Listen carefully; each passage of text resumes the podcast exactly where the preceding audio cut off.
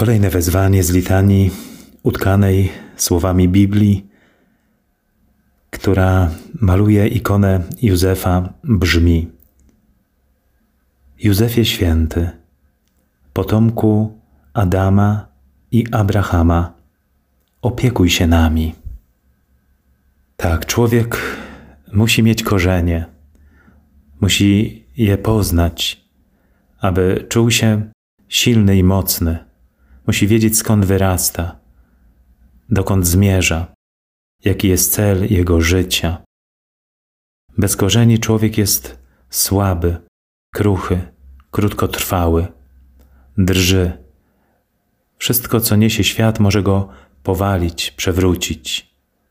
Można sobie wyobrazić drzewo bez korzeni. Najmniejszy nawet podmuch wiatru może e, spowodować, że drzewo runie.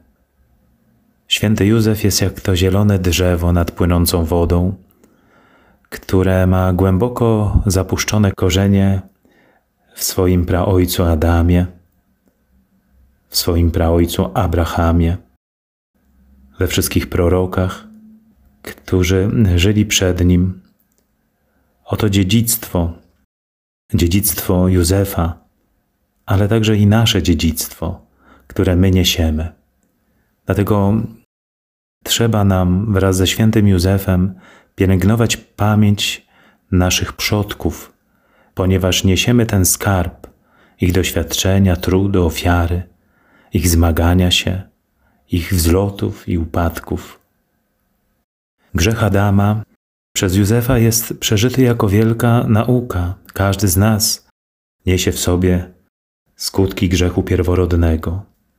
Ale Józef nie poddaje się, zmaga się i ze zranioną naturą idzie do Boga i słucha Abrahama, słucha proroków, e, swoich praojców, ojców wiary, od których uczy się, jak pokonywać, jak walczyć ze złem, z grzechem, który zaciemnia obraz Bożego wołania, który za, zaciemnia i deformuje Boży głos, który próbuje pokrzyżować Boży plan. Józef jednak mimo wszystko wsłuchuje się w głos Pana Boga.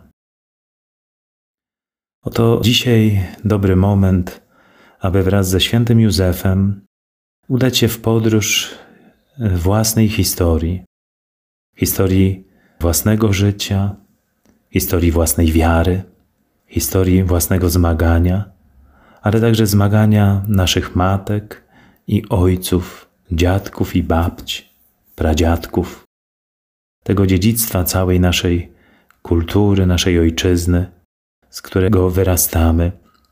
Warto także dzisiaj zastanowić się, co my wnosimy w to dziedzictwo, jak my to dziedzictwo ubogacamy. Dziedzictwo od Adama przez Abrahama po Józefa, po mnie. Święty Józefie, potomku Adama i Abrahama, opiekuj się nami.